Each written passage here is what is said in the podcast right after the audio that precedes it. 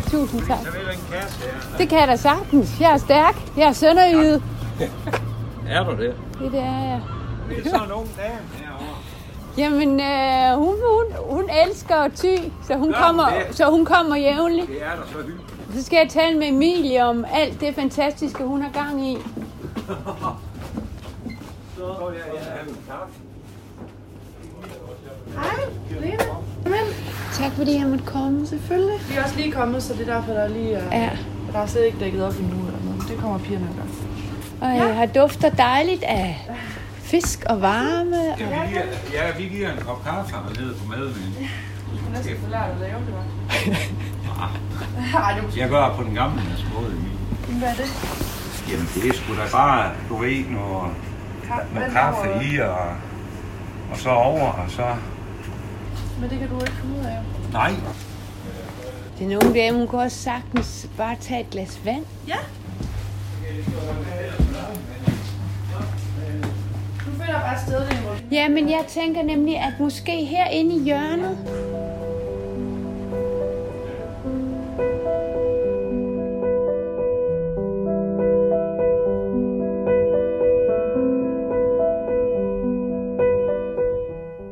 Velkommen til hverdagens Klimahelte. En podcastserie, hvor jeg møder dem derude, der er helte, fordi de rent faktisk handler på de udfordringer, vi skal have klimaløst.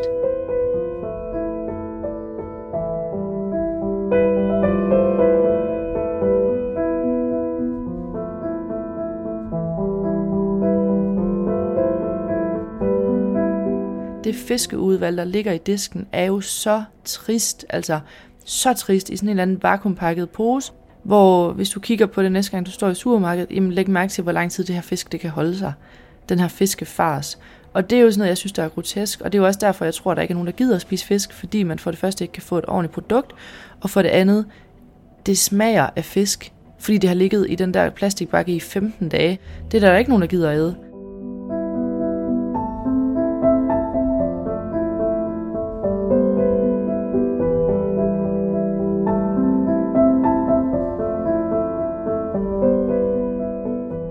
Som du kan høre, er min klimahelt ikke bange for at lægge fingrene imellem. Hun er madrebel, og hun taler om ordentlighed, når det handler om råvarer, og deriblandt også fisk. Håret hænger i hestehale, og kroppen er høj og helt rolig. Vi har hele tiden øjenkontakt. På højre armen er der tatoveret gamle danske kornsorter. Om hun har flere tatoveringer, spørger jeg om helt til sidst. I sommeren 21 spiste Søren og jeg på hendes spritnye restaurant, og lige siden har jeg tænkt på at tale med hende, for os at kunne dele hende med dig.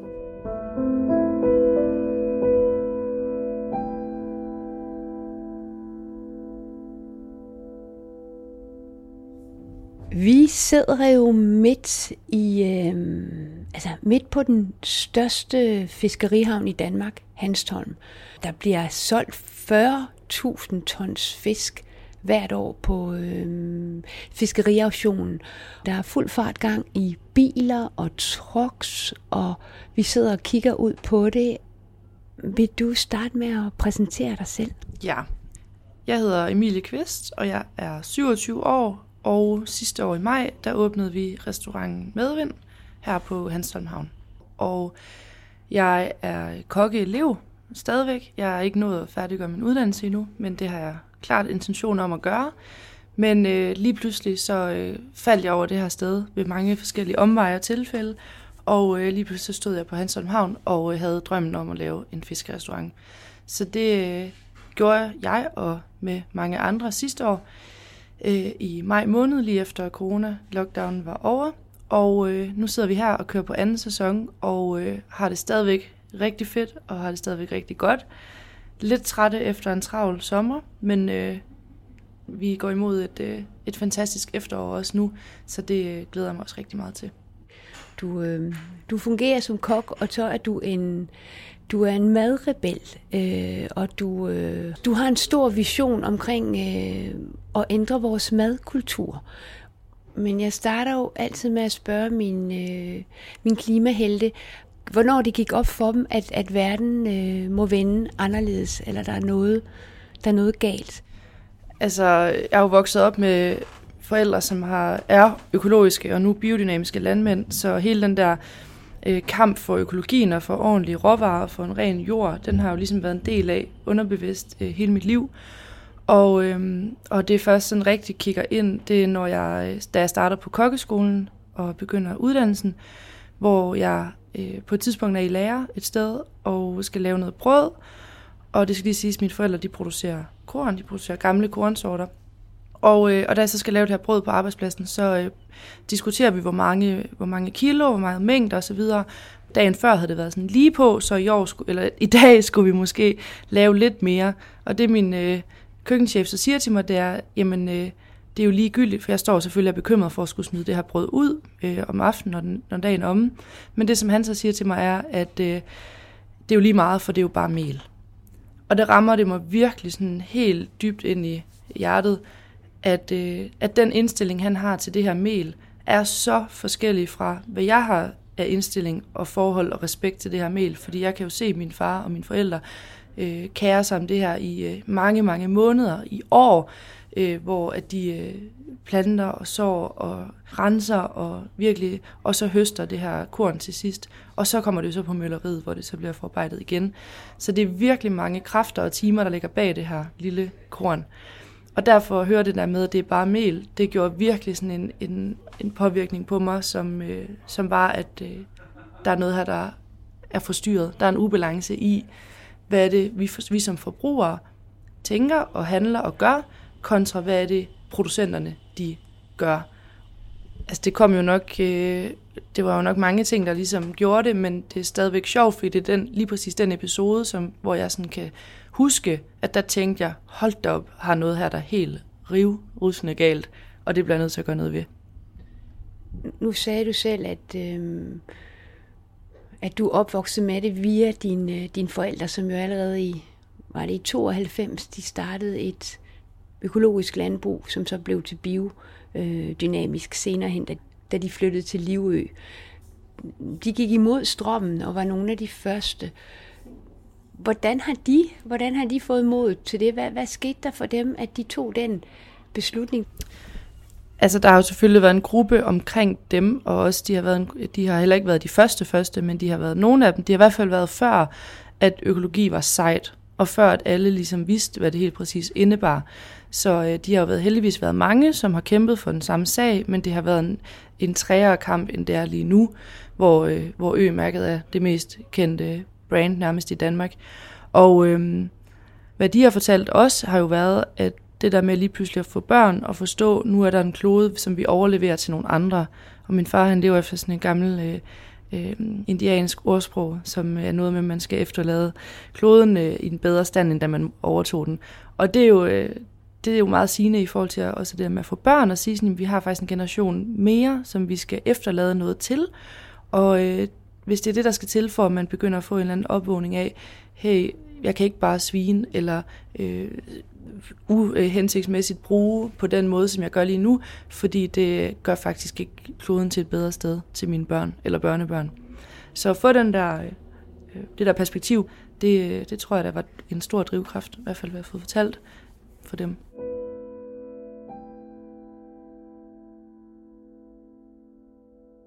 Og øh, nu er jeg jo også flyttet tilbage til Nordjylland. Thy er jo en del af Nordjylland, og mine forældre bor på Livø, som er anden kommune godt nok, men, men kun en times kørsel væk. Jeg køber først og fremmest alle deres øh, korn, eller meget af deres korn, som jeg bruger her i øh, restauranten. Og, øh, og ligeledes sådan til sparring, både omkring det der, men når det er svært, fordi det er også en kamp heroppe, det her med madkulturen, at sige, at man vil ændre noget. Det er nemt nok for alle jer, som gerne vil rejse hertil, fordi I selv synes, at øh, jeg er på rette spor, men at få, øh, få forandret og få øh, lavet en, en øh, positiv udvikling i den madkultur, der allerede er her, det er jo den, der er svær, og det er jo den, der er interessant, fordi det er jo dem, som egentlig ikke rigtig vil, eller måske ved, eller tror, at de vil. Så der er der mange dage, jeg løber panden mod en mur og tænker, at det hele bare kan være ligegyldigt, og det er svært, og det er øh, øh, uoverskueligt. Men, øh, men så er det rart at, at få lidt bekræftelse fra dem, om at øh, det hele skal nok gå, og Man skal blive ved, og man skal hænge i, og fortsætte med at kæmpe, fordi det, det skal nok blive bedre på den anden side. Altså man kan sige, at i Hanstholm, der, der bor der cirka 2100 mennesker, så det er jo en, en, øh, en lille provinsby. Øh, og oplandet, vi cyklede i går øh, rundt, og det er små, bitte landsbyflækker, øh, og så er der Tisted, som er en større nærmere by, og vi mødte nogen ude i plantagen i går, som øh, kommer fra Aarhus, men som har spist hos dig, og kom igen, har været her et par gange. Øh, vi kommer så fra Søborg og herover og prøvede at spise her sidste år. Vi skal tilbage til medvinden, når vi kommer over igen. Hvad er det, der er det svære her ved de lokale? Kommer de lokale og spiser hos dig? Altså, de lokale er også for mig mere end bare Hanstholm. De lokale er også nærmest resten af Thy, øh, fordi at også at fleksibiliteten eller, eller bevægel, bevægeligheden er så stor i Thy, så man, man kører gerne, fordi det er man bare nødt til. Ja, de lokale kommer, det gør de, og de er fantastiske, og de er søde, og de er dejlige gæster. Men der er også rigtig mange, også som ikke er lokale, men som kommer på havnen, og så tror, at definitionen af at være på en havn og spise på en havn, det er at få øh, fisk, der smager så, øh, så meget væk fra fisk som overhovedet muligt. Og med det mener jeg selvfølgelig, at det er noget, som er friteret til ugenkendelighed, og måske endda blandet med nogle øh, pomfritter og en masse øh, andre ting, som slet ikke øh, hører til på en havn. Det er jo den main thing, som jeg gerne vil gøre noget ved, det er jo at sige, definitionen af at spise på en havn, er jo selvfølgelig, at man spiser fisk. Og når man også er på Danmarks største konsumhavn, så skal man da i hvert fald kunne få noget frisk fisk, og få noget ordentlig fisk, og få noget varieret fisk, og få fisk på mange forskellige måder. Så det er jo det, jeg ville og ville med det her sted, da jeg ligesom så det første gang. Det var jo en anden både overraskelse, men også en forfærdelse over, kan man simpelthen ikke få. Man kan ikke, nogen steder, du kan ikke spise det her fisk, som bliver solgt på auktion. Nogen steder på den her havn. Det er da grotesk. Så det var jo det, jeg først og fremmest ville. Og når den dag i dag, når det så bliver til en drøm om også at ændre en madkultur, jamen så er det jo fordi, at den dag i dag får vi stadigvæk mange gæster forbi, som virkelig bare drømmer om et stjerneskud, og som kommer decideret og spørger til, har I ikke et stjerneskud? Har I ikke en pølse? Kan man ikke få en is herinde? Man bare sådan må sige, nej, desværre, men I kan få frisk fisk og grøntsager. Var det, var det noget? Og så er der jo heldigvis nogen, som øh, har lyst til så at prøve det af, men, øh, men der er også rigtig, rigtig mange, desværre, som går skuffet herfra i situationstegn, fordi de ikke kunne få det, de troede.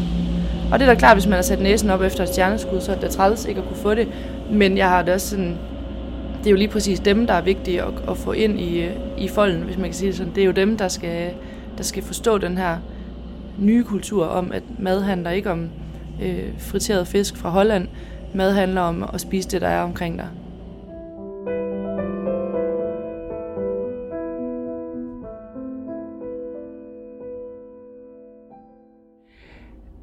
du siger, du udfordrer den friterede hollandske øh, fish and chips, eller det her stjerneskud.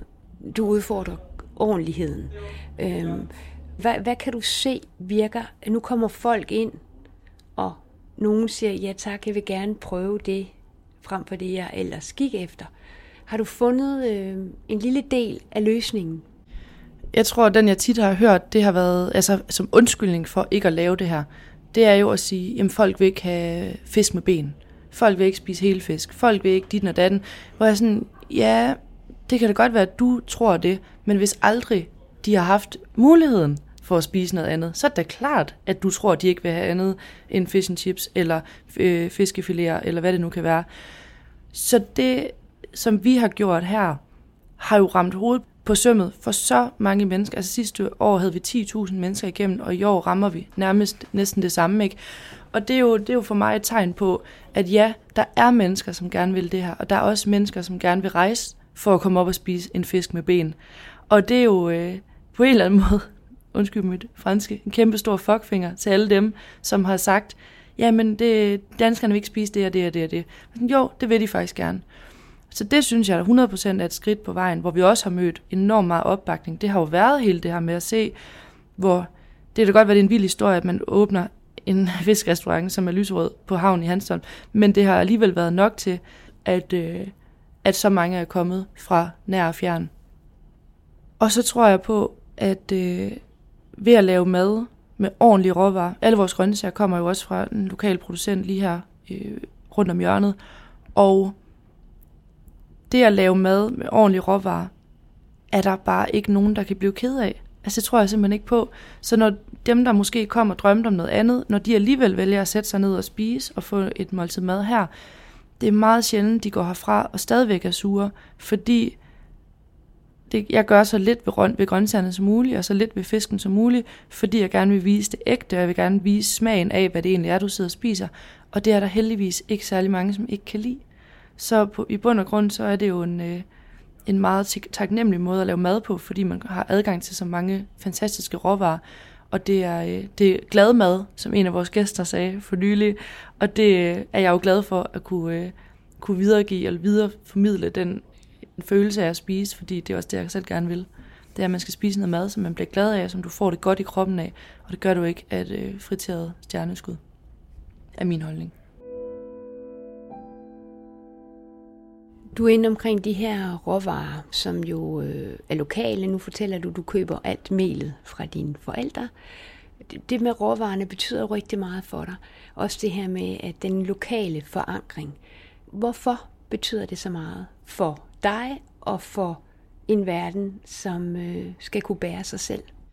For mig er det helt basic og det simpleste, for at være ærlig. Altså at få sin råvarer fra der, hvor man er. For mig giver det ingen mening at bestille noget fra Ægypten, eller fra øh, Sri Lanka, eller urter fra øh, Tanzania. Altså, det giver ingen mening for mig på noget tidspunkt. Det er for det første sikkert både dyre, nu ved jeg det ikke, nu har jeg gjort det i lang tid, men, øh, men det er også øh, meget mere øh, ulogisk.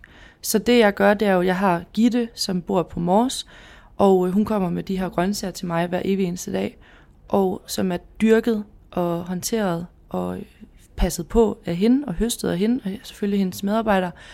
Og det er gjort i, øh, på den bedst mulige måde, og med respekt for både jorden og for grøntsagerne, og de her grøntsager smager fuldstændig fantastisk.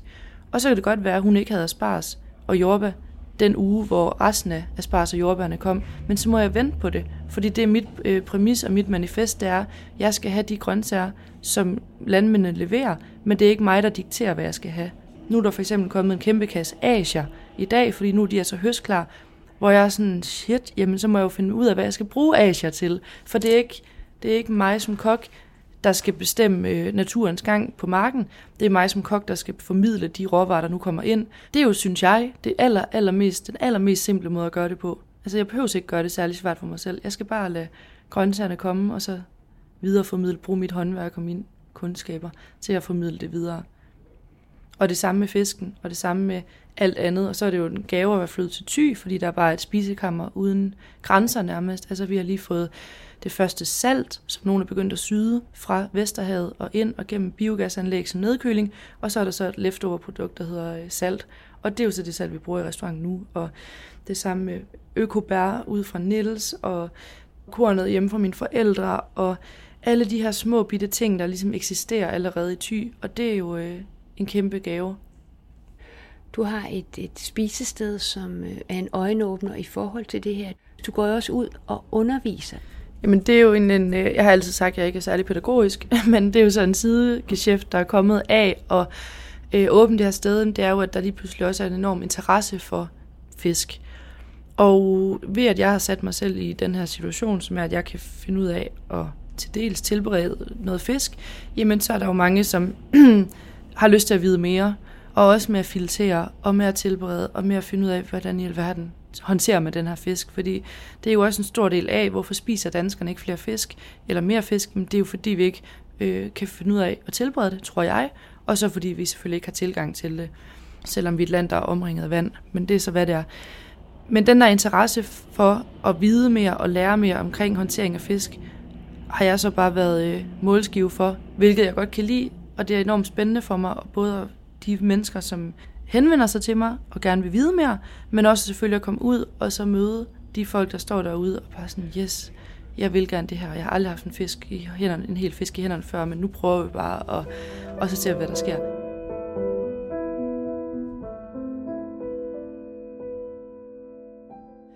Noget, der er meget naturligt for, øh, for mig, fordi jeg ser det hver dag og har tilgang til det hver dag, jamen det er det mindst naturlige for mange andre.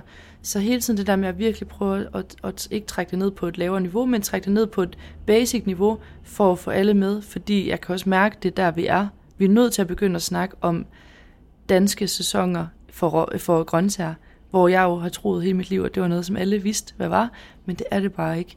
Så det, er jo, øh, det kommer meget som en naturlig del af det. Og så tror jeg også i restauranten, det vi gør meget af, prøver at formidle og fortælle omkring både Gitte, men også de andre øh, leverandører, vi har. Det gør jo også, at folk forstår, hvor grøntsagerne kommer fra. Og tilbage til det med melet, jamen øh, min køkkenchef på det andet tidspunkt havde ikke respekt for melet, fordi han ikke kendte min far. Men det gjorde jeg jo, så derfor har jeg brug for, at alle, som kommer her og spiser, de skal på en eller anden måde komme til at kende Gitte, fordi så har de forhåbentlig også lige så stor respekt for de grøntsager her, som jeg har, og som hun har. Og øh, nu sidder vi jo meget taknemmeligt sted, hvor man faktisk kan se alt, hvad der foregår ude på havnen, og det håber jeg jo er nok til, at man får en respekt for fisken også. Fordi det er vi også nødt til at have. Fisk er heller ikke et overflodsprodukt overhovedet, og vi skal nære den og ære den den respekt, som den fortjener, og det synes jeg jo er et meget god start ved at sidde her midt på havnen og så kigge ud på bådene, som har fanget dem.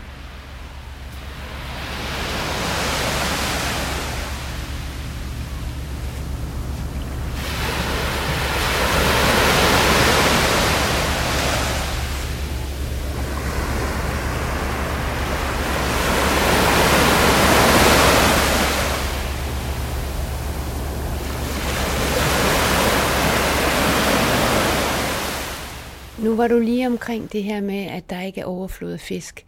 Der er noget, der hedder elefanten i rummet, i hvert fald for mig. Øh, fordi jeg har som rigtig, rigtig mange andre tusindvis millioner mennesker, tror jeg, efterhånden set den Netflix-dokumentar, der hedder Seaspiracy, som simpelthen prøver at, at kaste lys på det problematiske forhold, rigtig mange fisk bliver fanget under i dag. Det, der hedder bundtrawler, hvor man støvsuger hele havbunden og der er meget... Øh, ifølge den dokumentar er der øh, 46 procent af alt plastikaffald af fiskenet, og der er slaverilignende forhold til dem, der arbejder på de her kæmpe trawler og, øh, og bliver underbetalt. Og, sådan. Altså, og de påstår, at, at verdenshavene altså, kan være uden fisk i øh, 2048. Det er nogle meget alarmerende tal, og jeg tænker, havet er simpelthen så sindssygt vigtigt. Både øh, livet i havet, hele den måde øh, CO2 bliver, bliver optaget på af havet. Og nogen i den dokumentar siger jo, jamen måske skulle vi simpelthen lade være med at spise fisk. I forhold til de her øh, de her ret voldsomme fakta om, hvad der nok sker af lyssky ting ude i den her fiskeindustri. Hvad er din refleksion, Emilie? Hvad skal vi øh, lade være med at spise fisk? Eller hvordan kan vi spise fisk, så verden kan blive ved med at, at bære, at vi gør det? Nu har jeg selv mulighed for for første gang at se den i går, men det var selvfølgelig en, øh, en, en øjenåbner, men også en, øh, en interessant film, fordi hvad jeg så senere hen eller bagefter læst op på, og det er også noget, som jeg ved, og som mange andre ved, de danske forhold er ekstremt anderledes fra det, som filmen viser, og det skal man huske på, men ikke at sige, at der er noget der, der ikke er øh, rigtigt, men for eksempel tænk på det på de her havne i Danmark. Du skal ikke komme ind med en øh, hættetrøje og kamera og stå bag en mur for at komme ind på de danske aktioner. Alle er åbne, alle kan komme ind, og øh, alle kan se, hvad der foregår. Så det er den første pointe. Og så øh, i forhold til dansk fiskeri, er der jo en ekstrem overvågenhed, som nogen kan synes er, er problematisk, men der er ikke ulovlig fiskeri på den måde, som vi kan se i mange andre lande. For der er en styring med det. Vi har en, fisker, en fiskeristyrelse, vi har en miljøstyrelse, som sørger for, at de her ting de bliver overholdt. Og så er der selvfølgelig kvoter.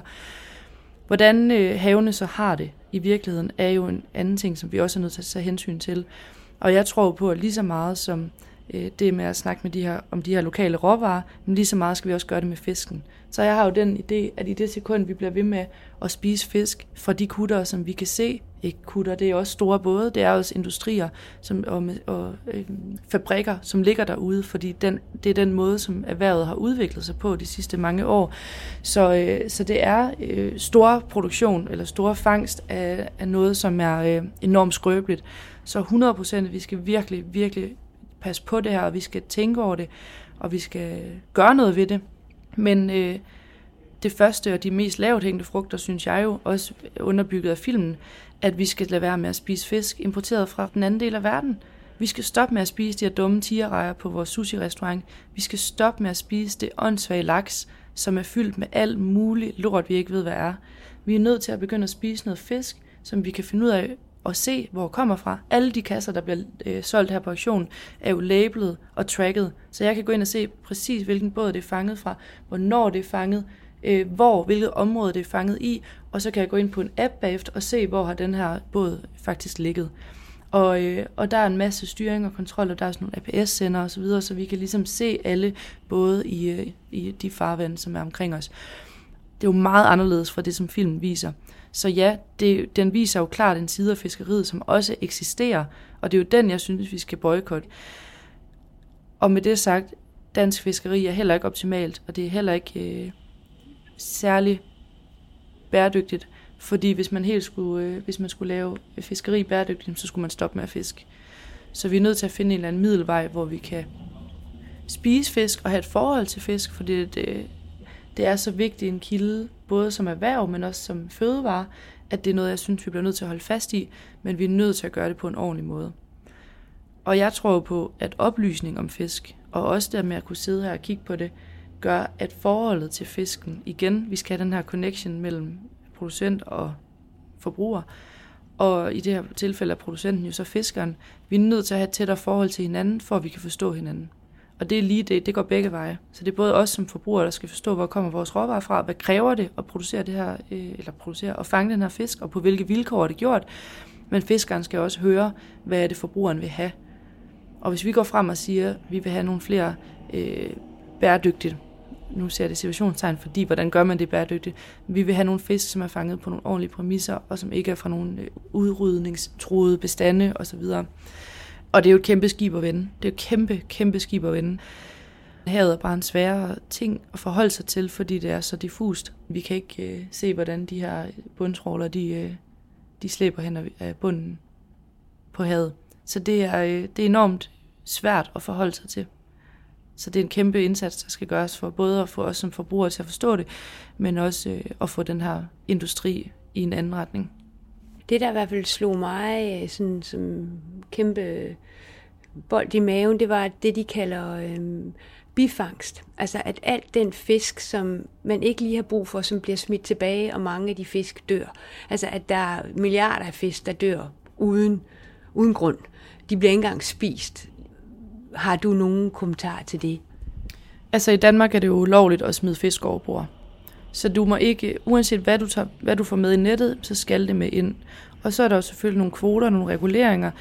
Og, og det, er jo, det dumme ved det er jo, at, øh, eller det upraktiske ved det er jo, at uh, torskene ved ikke noget om kvoter, og det gør mørksejren heller ikke. Så derfor så ved de ikke, at de skal holde sig fra hinanden. Så de svømmer jo selvfølgelig sammen. Så når du kommer som fisker og har et x antal kvoter på mørksej, og du så fisker en stig mørksej, og alle de torsk, der så kommer med, det går jo ind over din torskekvote. Og det kan godt være, at du ikke har nok torskekvoter til de torsk, du lige har fanget, selvom det egentlig er en bifangst.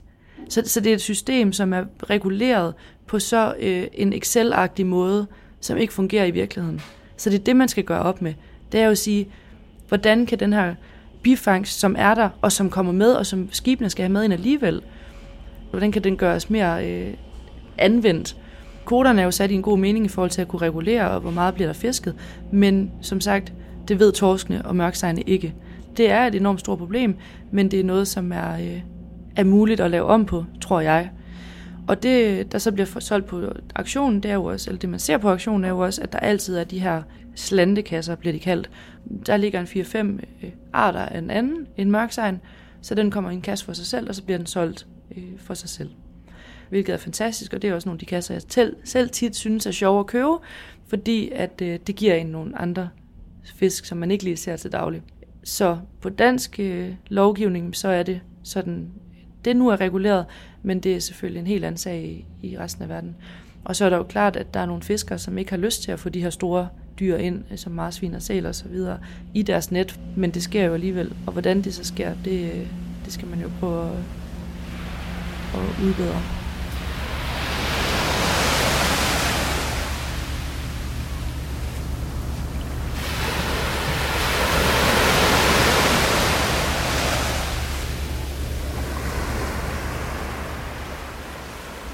Om man skal stoppe med at spise fisk helt, det er jo en, en del af det. En anden del af det er, er at begynde at spise fisk, som man ved, hvor kommer fra.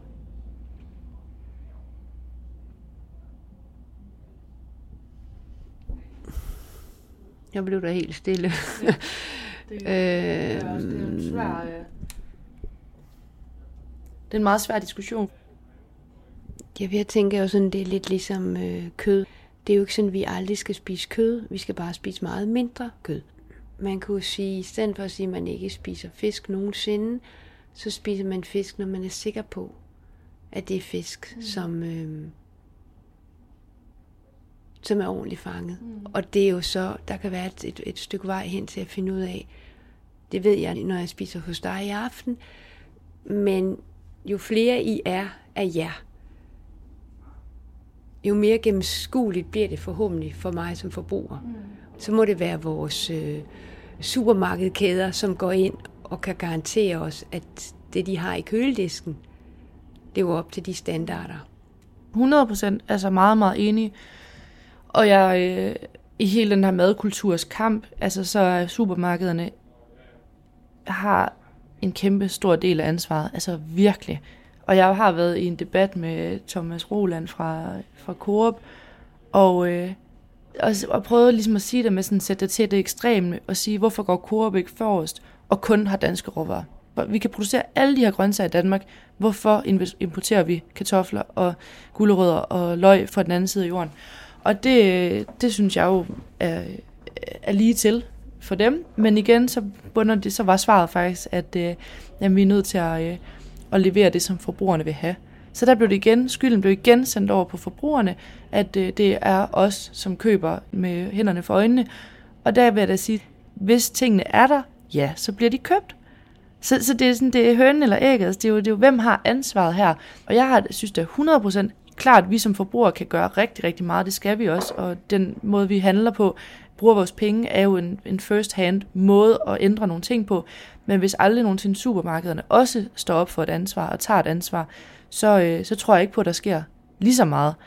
Og det er jo øh, blandt andet også med sådan noget som fisk. Altså at sige sådan, jamen det fiskeudvalg, der ligger i disken, er jo så trist. Altså så trist i sådan en eller anden vakuumpakket pose øh, eller æske, hvor hvis du kigger på det næste gang, du står i supermarkedet, jamen læg mærke til, hvor lang tid det her fisk det kan holde sig.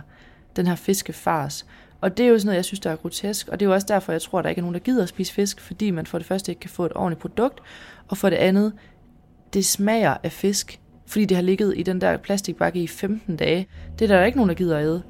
Så, øh, så den der tilgang til det er, at vi er nødt til at få en højere kvalitet, som ikke nødvendigvis skal være dyre, det skal bare være ordentligt, det skal bare være et, et, et infrastruktur, som fungerer, og vi er som sagt ikke særlig langt fra kyst til kyst, så hvorfor har vi ikke nogen fiskehandlere, som er vel øh, assorteret og som er øh, up-to-date og friske?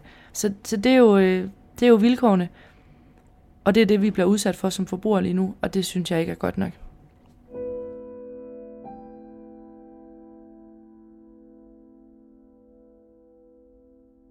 Jeg hørte dig, øhm, Emilie, her i sommergæsten. Du var i, i DR her i sommers, øh, hvor du, øh, du taler om altså mad generelt som en af de lavt hængende frugter, fordi vi skal have mad tre gange om dagen.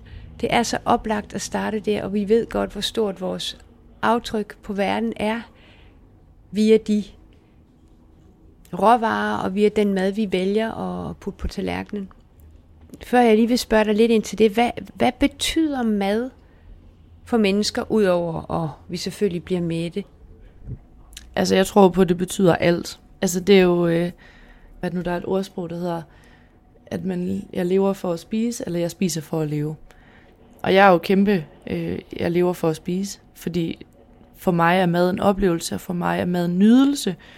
Altså, man skal, man skal forholde sig kritisk over for det, man putter i munden. Fordi hvis du går igen ned næste gang, du er i supermarkedet, vender alle de ting, du har tænkt dig at købe, vender dem om, læser på indholdsfortegnelsen og ser, hvor mange, øh, først og fremmest e-numre, men også navne på ting, der er i det her produkt, som du ikke kan udtale, så vil jeg øh, anbefale at være med at købe det.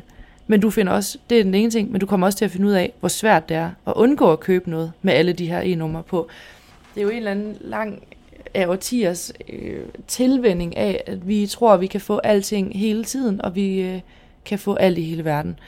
Så derfor har man været nødt til at putte nogle forskellige øh, tilsætningsstoffer i vores råvarer, for at få det til at holde sig, for at få bollerne til at blive ved med at være bløde, selvom de har ligget 14 dage i en pose, og så videre og så videre.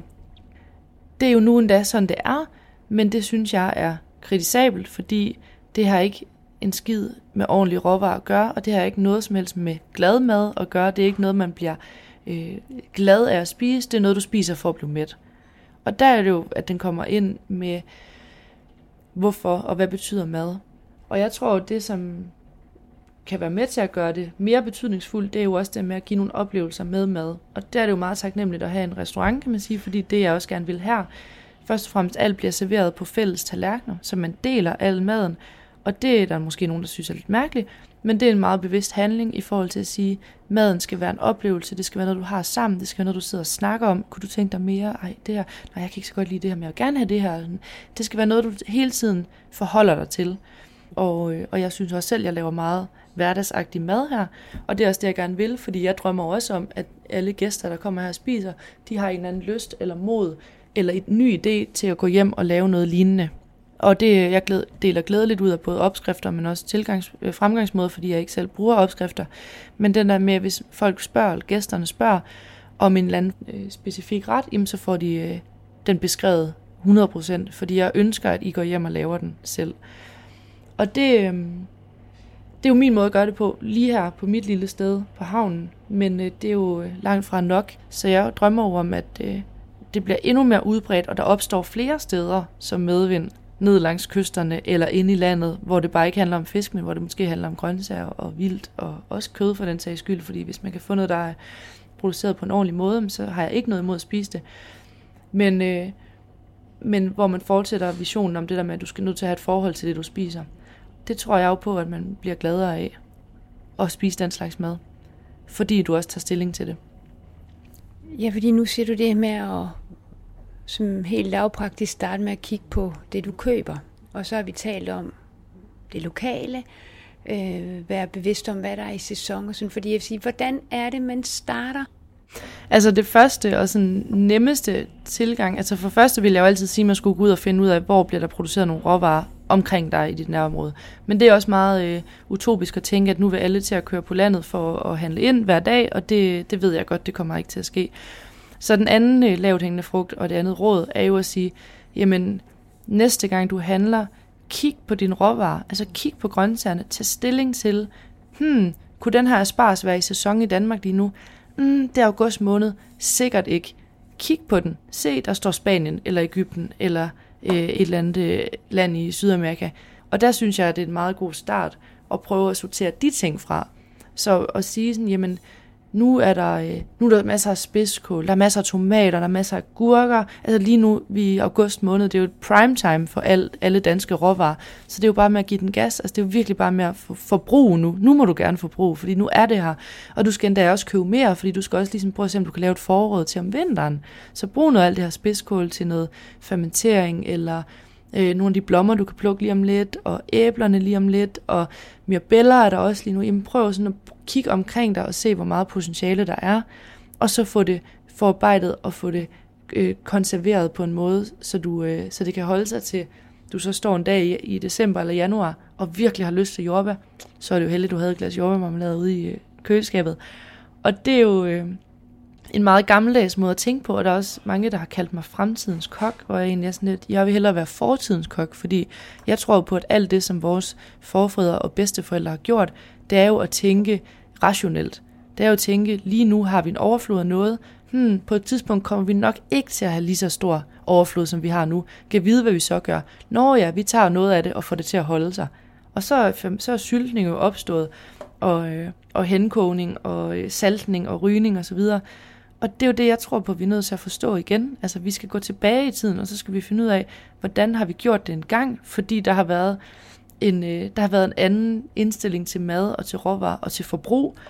Og det er der så meget af, vi kan lære den dag i dag, hvor vi, øh, hvis vi gerne, og det hvilket jeg selvfølgelig synes er naturligt, skal øh, leve mere fornuftigt og mere øh, simpelt.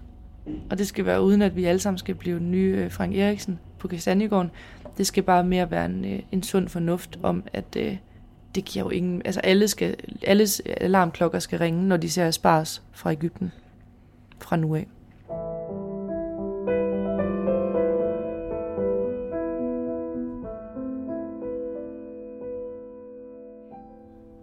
Men det her med at ændre sine vaner, og ændre en måde øhm, at spise og bo og klæde sig på, det er, mm,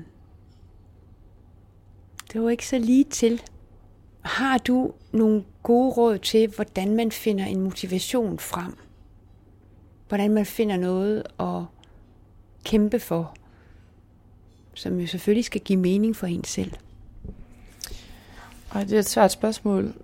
Øh, jeg tror jo på, at igen, det er fordi, jeg er båret af mad og landbrug. Altså det der med at spise noget, som man selv har frembragt, det er der jo ikke øh, særlig mange, som ikke bliver glade af. Så jeg tror, det, det altså ved at lave nogle små ændringer og prioritere nogle ting, som for eksempel at lave sin egen mad. Og så kan man jo gå skridtet videre og sige, at man skulle også måske prøve at dyrke sin egen mad. Altså dyrke din egen persille, en lille tomatplante, og så måske eskalere lidt op lidt senere, og næste år lidt mere, lidt mere. Jeg har da ikke hørt nogen, som har haft deres egen cherrytomat i, på altanen, som ikke har altså, været fuldstændig op og køre over den. Der kan man jo godt få noget engagement og noget motivation til at forstå din råvarer, og også spise anderledes. Men øh, hvis man så ikke har hverken lysten eller drivet til at starte sin egen lille køkkenhave, eller begynde at lave sin egen mad, jamen så tror jeg, at det handler om at, øh, og hvis man har lyst, jamen find nogle mennesker, som inspirerer dig. Følg dem på Instagram, læs om dem, abonner på nogle nyhedsbreve, lyt til nogle podcasts, hvordan du nu øh, føler, at du kan blive talt til. Altså sådan den der øh, spejling, og det er da også det, jeg får videre mange, også fordi jeg er ung, jamen så det at sige sådan, jamen der er mange, som måske lige pludselig kan se, jamen bare fordi man er 27, så er det faktisk okay at have nogle holdninger. Det er okay at råbe lidt op. Det er okay ikke at være udlært og stadigvæk have en holdning til noget, og stadigvæk sige, at man faktisk står med en, øh, og kan lave noget mad, og som nogen kommer og betaler penge for. Altså, hele det der sådan, jeg gør det jo bare, fordi jeg synes, det er enormt fedt, og jeg ikke kan lade være. Men hvis det kan gøre, at nogle andre kvinder og piger får lyst til at søge ind i kokkebranchen, fordi de kan se, at, at det faktisk kan være fedt at være i kokkebranchen, jamen så er min lykke der gjort. Altså, så er jeg da enormt glad. Og det samme med at sige med gæster, er der nogen her, der kunne efter at have spist nogle bælfrugter her på restauranten og noget fisk, jamen har de så lyst til selv at gå hjem og spise bælfrugter og fisk, så er min lykke også gjort. Så jeg tror bare, man har brug for at spejle sig i nogen. Og jeg har jo også enormt mange idoler, øh, og ser op til rigtig mange mennesker, som jeg synes gør mega mange fede ting. Og det prøver jeg jo så at efterleve på en eller anden måde, og i en større eller mindre grad. Altså, hvordan får du den der kompromilløshed ind i forhold til det, du kæmper for? Hvad er dit, hvad er dit højere mål i det her? Det er jo at, at gøre op med tankegangen om, at, øh, at vi er for små til at gøre noget. Altså hvis vi hele tiden siger til os selv, at det er jo ligegyldigt, hvad jeg gør, fordi jeg, det virker alligevel ikke. Det er alligevel ligegyldigt med, om jeg kører lidt mindre i min bil, eller, eller øh, spiser lidt mere økologisk, eller lidt mere dansk. Så jeg lader bare være. Altså, så, så er det hele jo bare til at smide ud med badevandet. Og det er det, jeg hele tiden konstant hver dag minder mig selv om. Det er ikke ligegyldigt, hvad vi gør. Overhovedet ikke. Og jeg bruger også meget tid på at fortælle alle andre om, og motivere andre til at sige, det er ikke ligegyldigt, det du gør. Vi er nødt til at sortere vores affald, eller vi er nødt til at sådan og sådan. Og, og det er...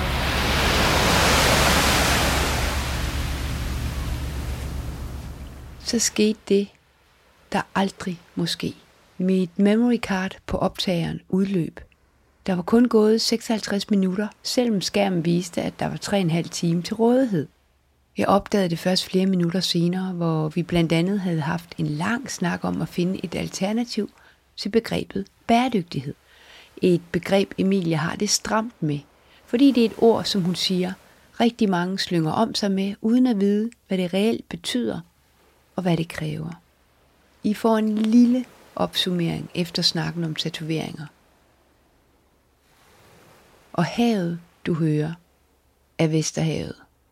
Indbegrebet af Hanstholm og Thy og hele den danske vestkyst.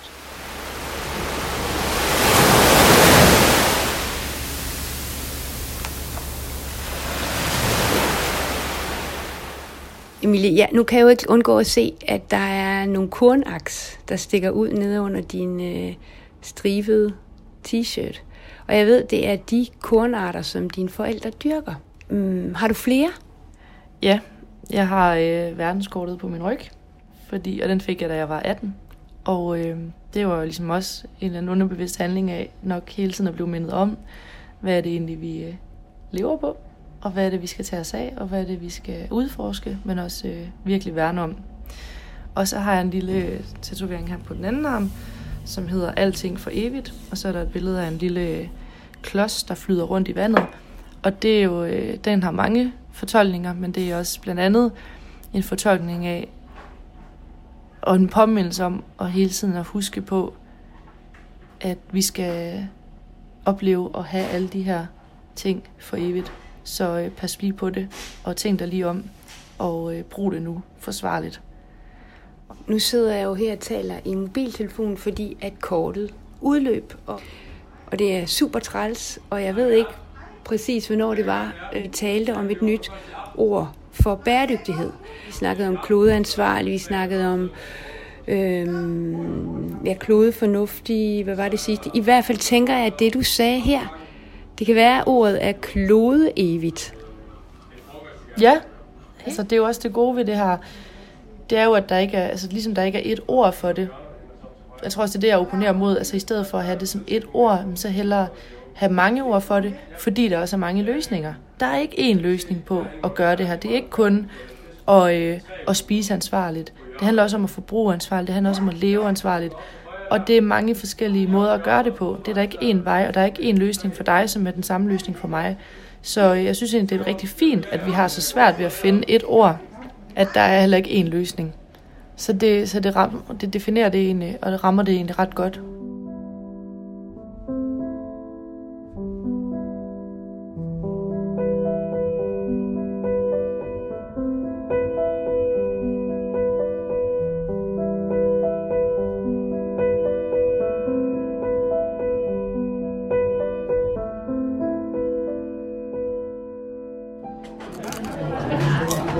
Smager min fisketips.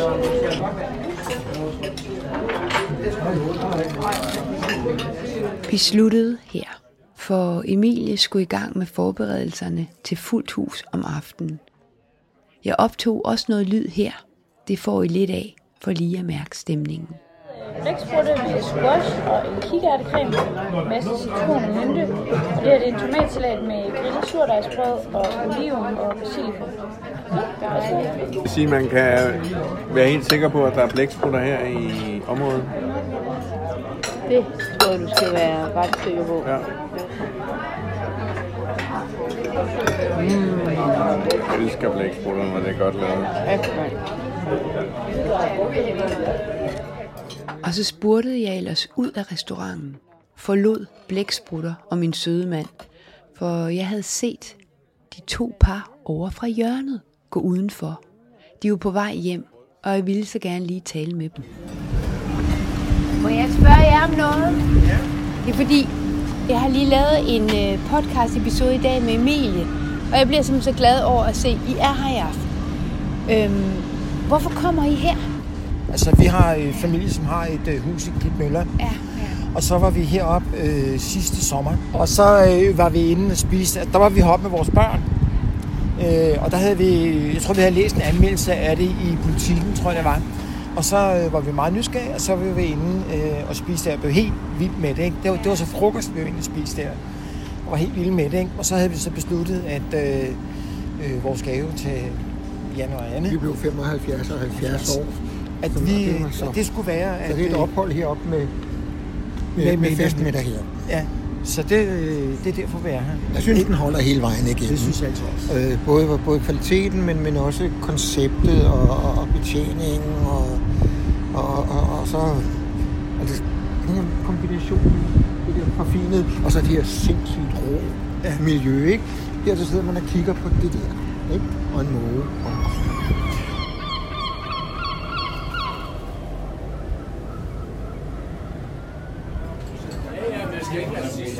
Du var nødt til at snakke med dem, så det var simpelthen, øh, de boede lidt Møller har givet i gave til. Det var Jan. Det var Jan. Jeg hedder Lene Aarhusen Fosgaard, og jeg er journalist, og jeg skriver og podcaster om mennesker i den grønne omstilling. Min virksomhed hedder Det ender grønt, fordi jeg tror og håber på, at det er der, vi lander. Pas godt på din og min verden. Jeg sidste år ligesom også om sommeren og elskede det. Man sagde, så her og kigge ud.